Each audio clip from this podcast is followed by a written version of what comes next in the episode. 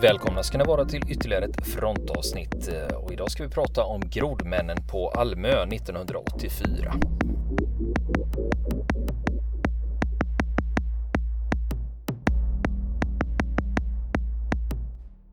Och nu ska vi fortsätta prata om grodmännen på Almö 1984. Och eh, eh, hunden tar ju spår där och de följer det och går, går upp till ett torn som ligger på Almö. Och sen vid det här tornet så gör hunden några cirklar runt det och sen fortsätter de rakt västerut. Och då kommer man fram till den asfalterade Hasslövägen.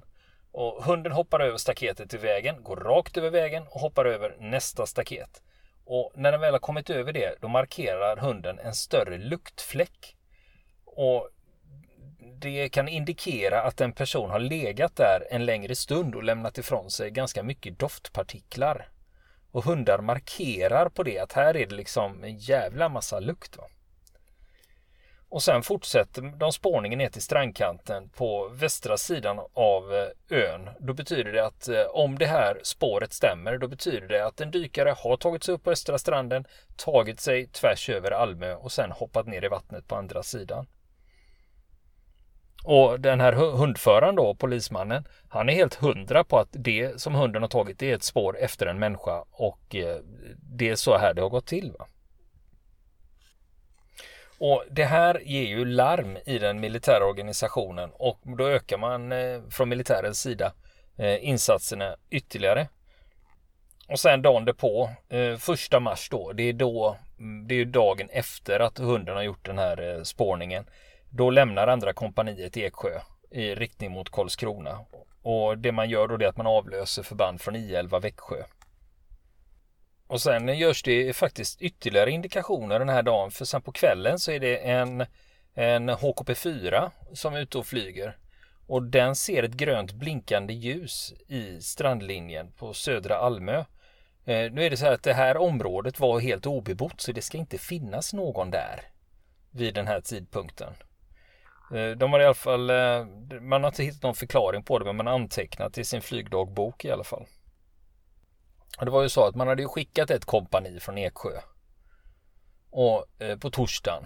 Eh, men sen dagen därpå då kommer militärbefälhavaren över södra militärområdet eh, order om att I12 ska skicka ytterligare ett kompani. Och det är ju nu som Mikael Lindholms kompani ska åka ner då. Va? Och då är det också det att nu fan handlar det om att åka då. Va? Och där skickar man ner eh, från Eksjö så skickas de ner i omgångar då.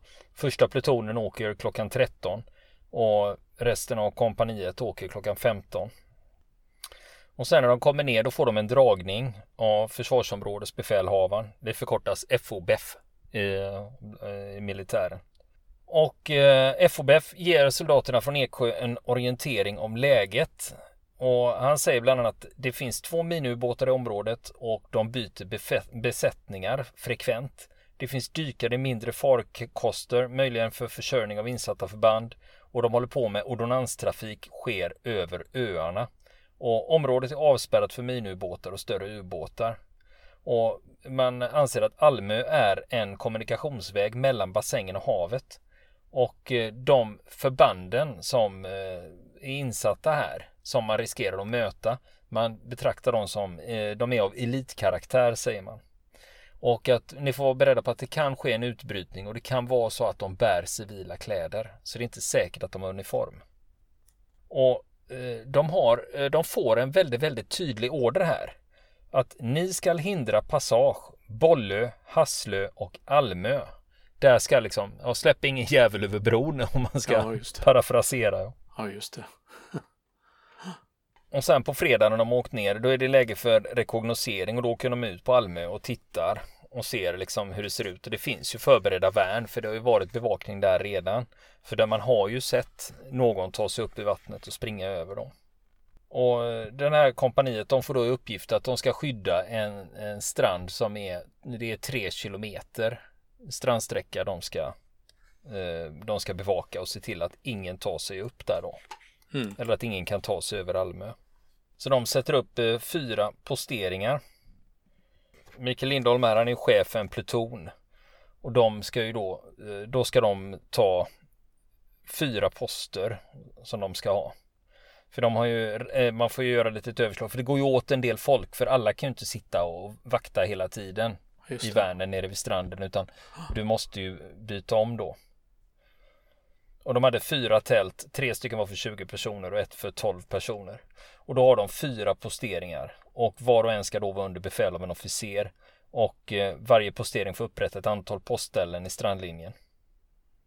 Och eh, det de har i uppdrag här va, det är ju att vakta va. Och då gäller ju de fredstida vaktbestämmelserna. Och då är det så med AK4 som man hade då. Eh, man plockar bort den vanliga skottomställaren man har. För på en vanlig AK4 eh, då är det ju, du har ju, den är ju säkrad och så är det patronvis och sen har du automateld. Mm. Men ska du gå vakt, då byter du ut den till vad man kallar för en enkelskottsomställare. Och då har du bara två lägen på den. Antingen är den säkrad eller också är det enkelskott. Va? Man bedömer att ja, men går du vakt behöver du inte skjuta automateld då. Mm. Och så har man dessutom som ytterligare säkerhet då så har man ett säkringsbläck som man måste ta bort. Det är en metallgrej som man pillar dit. Så att innan du kan osäkra den så måste du först trycka bort säkringsbläcket. Plonk så flyger det bort. Sen kan du osäkra.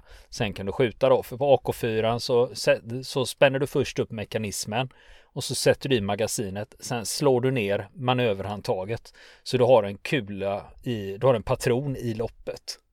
Så som säkerhet då så har du eh, har, eh, har, du det säkringsbläcket och plus säkringen då. Mm. Innan du då kan skjuta. Och sen ska det ju vara så när du går omkring med vapen oavsett om det är löst eller skarpt så ska du alltid hålla fingret längs med eh, längs med sidan så du har inte fingret inne i varbygeln för att det då riskerar att inte eh, avlossa ett skott av misstag. Mm. Sen är det ju lite skillnad på AK5 då eh, med, med skarp skyddsvakt där för att då har man ju inte säkringsbläck på den. Utan eh, när jag gick skyddsvakt med AK5 då var det så att då hade vi vaktladdat. Det betydde att vi hade magasinet i men vi hade inte gjort mantelrörelsen. Mm. Och sen du har ju gått med k-pist. Ja, just det. Den, den, där hade ni någon, någon lucka som ni satte fast va? Där satte man fast en lucka över uh, utkastaren och uh, en, en röd lucka med ett snöre. Och sen hade du ju ett begränsat antal patroner i, uh, i magasinet då. Och den där luckan var man tvungen, man tvungen att rycka då med, med snöret innan man kunde, kunde avfyra.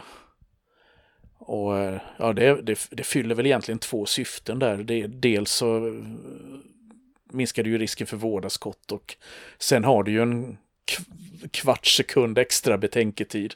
Är det här en bra idé eller? Mm. typ. Och, och sen kan det också vara som ett extra hot. Eh, liksom, det är samma sak om du då, när man gick med AK5 då, om du då faktiskt gör en mantelrörelse. Det signalerar ju att nu fan laddar jag vapnet. Va? Eh, det är ju också en sån funktion. Just det. Och sen eh, är det det här med vaktbestämmelserna då. Och det är ju att innan man, ska, innan man fick skjuta då ska man säga halt, halt eller jag skjuter skarpt. Sen på AK4 då tar man bort säkringsbläcket, osäkrar och sen ett varningsskott bredvid den man försökte stoppa och sen verkanseld då. Och då är ju instruktionen från den tiden att man skulle sikta på benet. Låret var det, vänsterlåret brukade det, brukade det faktiskt vara. Just det. Ja, och, och, nu ska ju, och nu ska ju plutonen här från Eksjö gå som skarpa skyddsvakter. Så det är ju skyddsvaktsinstruktioner som gäller. Så de får ställa upp och så får de då med ett magasin ladda. Och då får de också beskrivit, eh, då får de också en instruktion där. Vad är det de ska göra då? Jo, deras uppgift är att hindra fientlig passage. Eh, och, och så beskriver de också hur de ska lösa den. Och plutonen får sitta då i fyra posteringar och då har man en skyttegrupp i varje. Och i de tre sydligaste har man också en granatgevärsomgång. Och det betyder att det är eh, ungefär 15 eh, respektive 10 personer i de här posteringarna. Och sen hade de ju med sig lite kikare och bildförstärkare.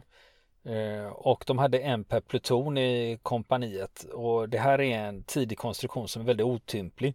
Den är stor och klumpig och så har den som ett pistolgrepp som sticker ner. Och sen hade de, det, den är alltså så att man har eh, eh, även en, eh, ett stativ som man kan fästa den på. Nu har inte jag någon uppgift om vilken modell det är. Men eh, jag har faktiskt eh, hållit i sådana här grejer och eh, de är tunga och otympliga. Och det är ju så att eh, om du tar kikat i en bildförstärkare så är det så att du får en gröngul bild av terrängen. Mm. Eh, och, det, och, det, och, den förstärker upp det befintliga ljuset. Det är ju, de är ju passiva de här. Eh, så det är ju det är månljus och stjärnljus och omgivande ljus som den förstärker upp då. Sen finns det lite olika modeller då beroende på var man har varit placerad och vad man har pysslat med. Just det. Jag har en ganska skabrös historia om en bildförstärkare och en vaktrunda på natten, men den ska jag berätta i ett annat sammanhang. Ja, det kan vi göra. Men när de här killarna grupperas på Almö och eh, eh utrustas med, eh, ja, för vakttjänsten där. Eh, kan man, kan man säga någonting om vad, vad visste de egentligen på förhand? Vad hade de fått veta? Nej, de hade ju fått eh, instruktioner om den här eh, observationen som hade gjorts och det här med hundföraren som hade letat.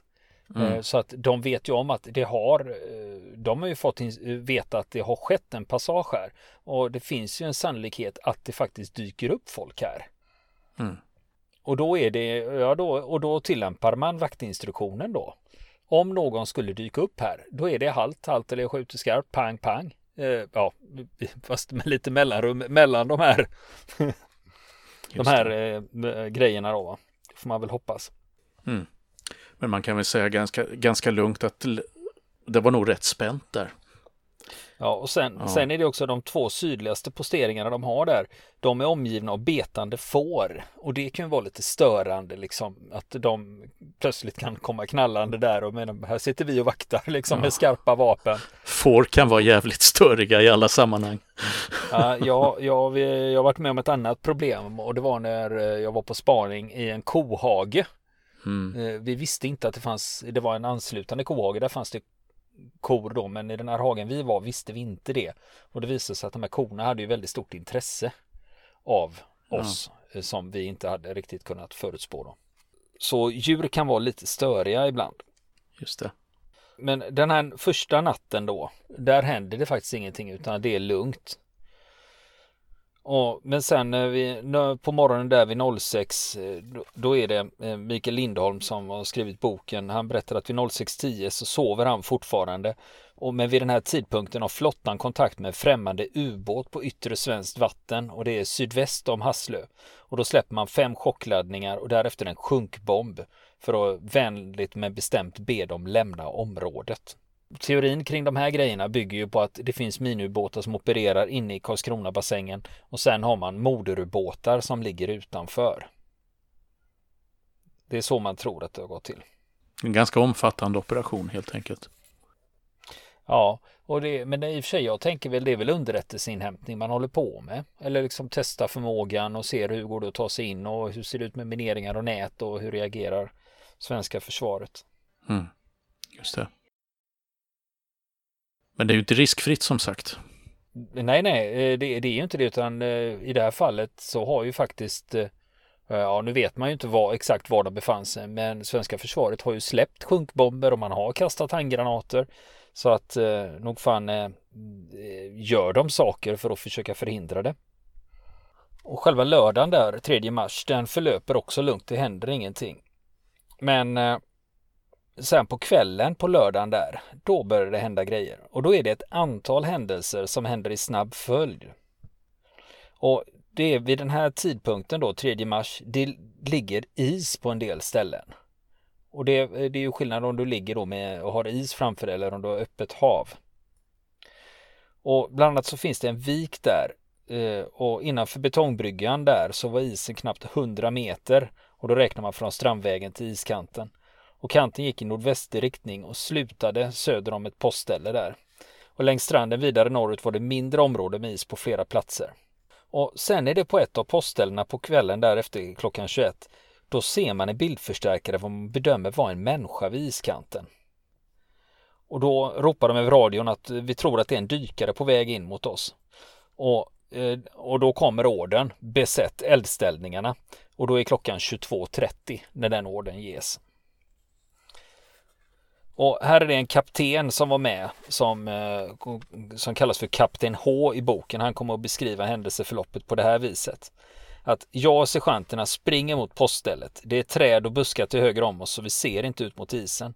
Och när vi kommer fram till poststället då sitter en löjtnant där och observerar dykaren. Han ger bildförstärkaren till mig och jag kan se en människa i låg ställning på isen. Och jag tycker det är konstigt att dykaren inte har några tuber på ryggen utan något som mer liknar en platt kantig ryggsäck. Han har rört sig en bit från iskanten in mot strandvägen. Sergeanterna tar också en snabb titt i bildförstärkaren och bekräftar. Vi sitter tysta en kort stund och vid något tillfällen hör vi också, gör vi också hörselobservationer.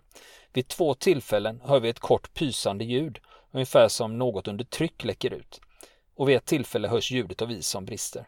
Och dykaren fortsätter i den påbörjade riktningen. Då kommer han att nå stranden strax norr om oss. Jag bestämmer mig för att ta med mig sergeanterna och gruppera vid den bedömda platsen. Vi gör en svag sväng in mot land och förflyttar oss norrut på västra sidan av strandvägen. Jag har en känsla av att vi kan nå strandkanten samtidigt som dykaren. Så jag vill komma inifrån land med lite avstånd till stranden. På så sätt har vi lite handlingsutrymme.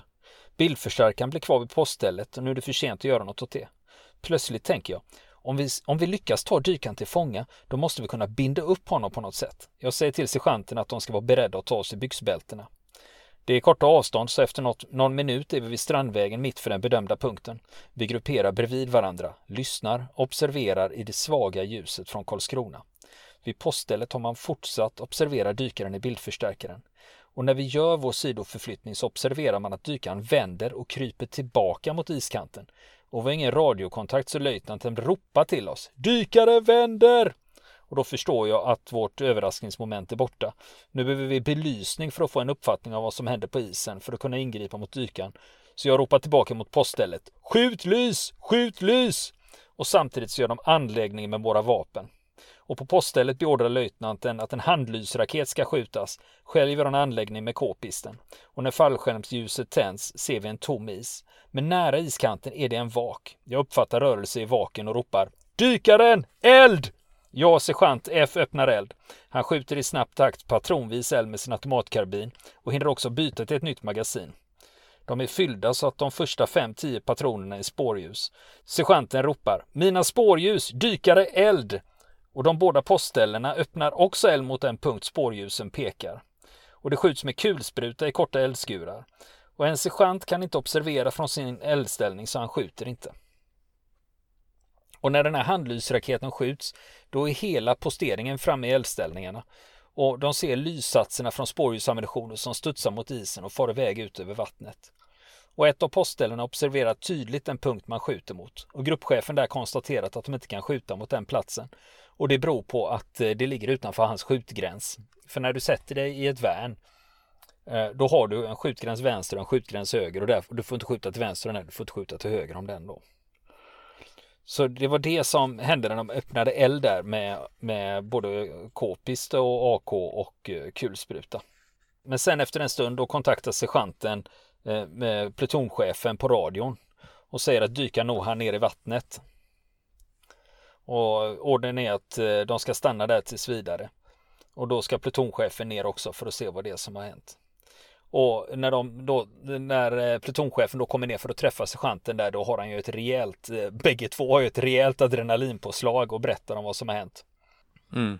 Så där missar man faktiskt den möjligheten då. Ja, hade de öppnat eld tidigare när de hade honom tydligt i sikte då hade de, fast i och för sig, då hade ju eh, kaptenen där hade ju bestämt sig för att, men tänk om man kan ta den här personen till fånga. Det hade ju varit, istället bara för att skjuta ihjäl någon ute på isen och sen gå dit och dra i land dem. Så det var ju det som var idén då, men då tappar man den här möjligheten. Jag tänkte, tänkte alltså om de hade lyckats fånga den här, vad hade det fått för konsekvenser? Ja, för jag menar, säg att den här personen hade klampat i land med sin utrustning och så plötsligt så möts av en kapten och en värnpliktig med skarpladdat vapen rätt upp i nyllet på en meters avstånd i mörkret där. Mm. Då, ja, vad fan gör du? Ja visst, verkligen. Mm. Och sen gör man en annan liten observation här. När den här eldgivningen sker mot vaken, då är det en löjtnant och några soldater. De ger sig ner till en betongbrygga. För löjtnanten vill se vad det är, vad fan skjuter de på? Men vid bryggan så uppfattar han, ett konstigt bubblande ljud i vattnet. Och han uppmärksammar en kapten där på det där och eh, de lägger sig ner och observerar. Han uppfattar tydligt det bubblande ljudet under någon minut och att det förflyttar sig österut från bryggan. Och efteråt så säger kaptenen att förbannat att jag inte hade några handgranater med mig. För då hade man slängt skarpa handgranater mot det bubblande ljudet. Och det här är, det blir ju febril aktivitet kring den här händelsen. Eh, såklart. Och eh, de rapporterar ju uppåt också då vad det är som har hänt. Och det ska skickas en helikopter som ska fälla chockladdningar. Och de begär också en hundpatrull från polisen. Och då är det återigen samma polisman som kommer dit med den här hunden Jax. Och sen gör man ju också en helikopterflygning över området där men då, uppmärksam, då upptäcker man ju ingenting särskilt då. Och det verkar inte som om hundpatrullen fick någonting på det heller. Och eh, nu trappas ju den här händelsen upp då va. För att eh, nu har det kommit ett polisbefäl till Almö. Eh, och han är väl informerad om den här spårningen som skedde den 29 februari.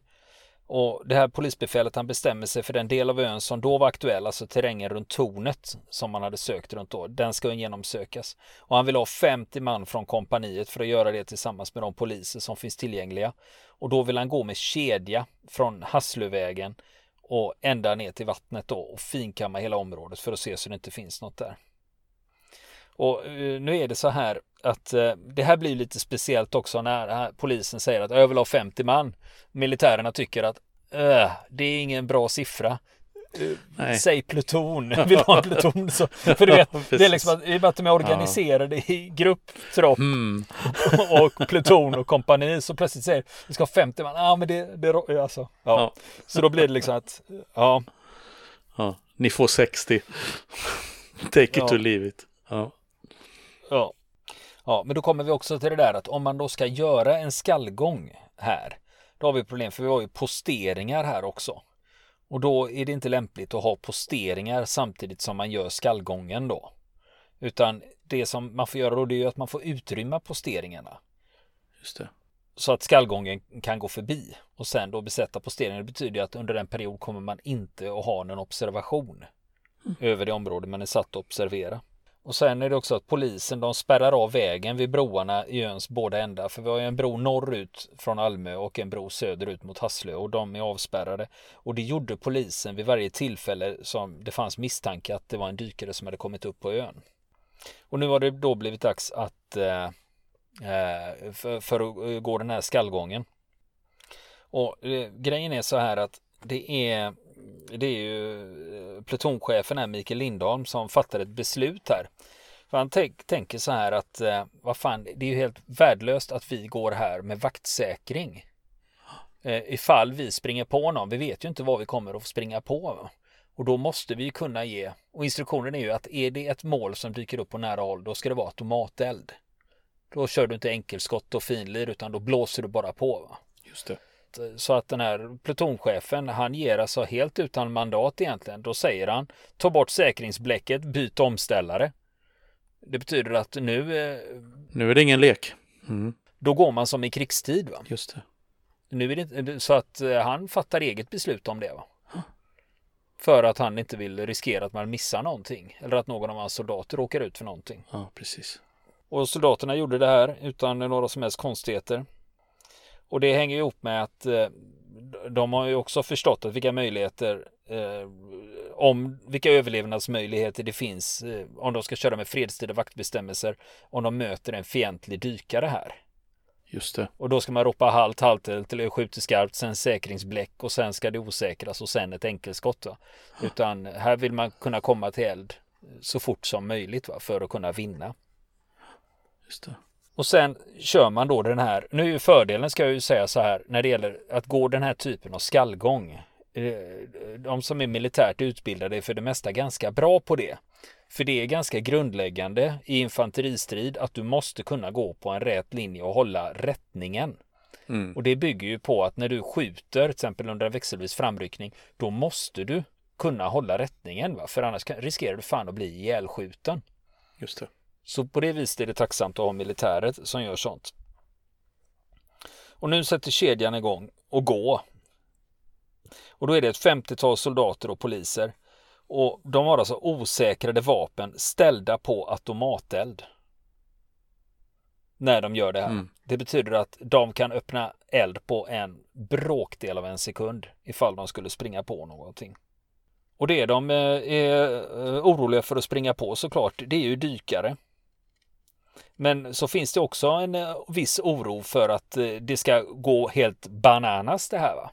Om man gör fel. Va? Säg att någon snubblar eller liksom ser någonting som de tror är någonting och sen öppnar de eld. Vi får inte glömma det fanns ju får i området också.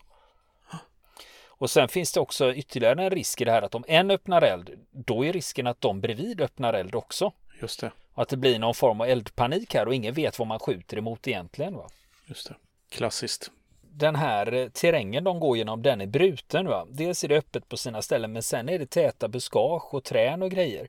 Så det är inte helt, det är inte ett tomt fält man går över här, utan det är ganska besvärlig terräng. Men till slut så kommer då kedjan ut på andra sidan busksnåren på en hyfsad linje. Så de klarar sig faktiskt och de påträffar ingenting misstänkt. Och då avbryter man den här skallgången då. Och det är nog en av de, mer, de skarpaste skallgångarna som har skett i Sverige skulle jag tro. När du har 50 man som går med osäkrat, eh, osäkrade karbiner med att, ställda på automateld. Mm.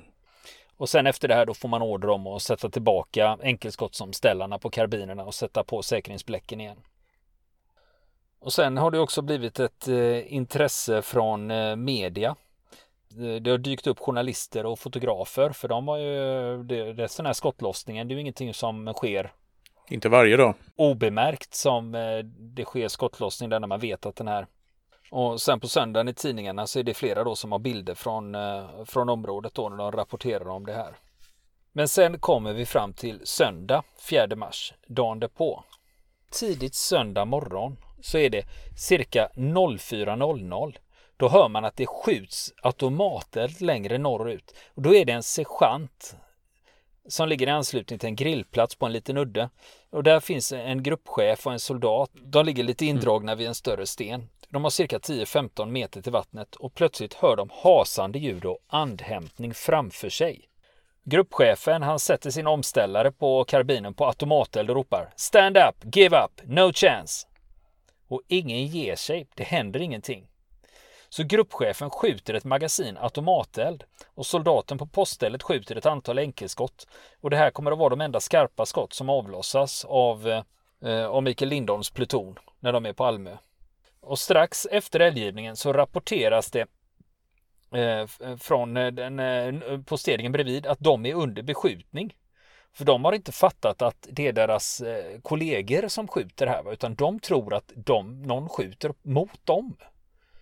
Och det är ju inte det som är situationen, men det blir ju lätt lite förvirrad i sådana här lägen. Ja, och det man ska göra nu då, det är ju att man eh, återigen tar dit en polisman med hund. Och det är samma polis igen då. Och den här polismannen med hund, eh, hunden Jax då, söker av runt poststället men de får inget spår. Så det man går runt, men man går ändå runt och kollar här då och funderar vad det är som har hänt. Så man tänker söka av strandkanten och då gör man det med en stark ficklampa. Man ser en klippskreva som är cirka 50 cm bred. Då tänker man det är ju ganska bra eh, ställe att gömma sig om man är en ensam person.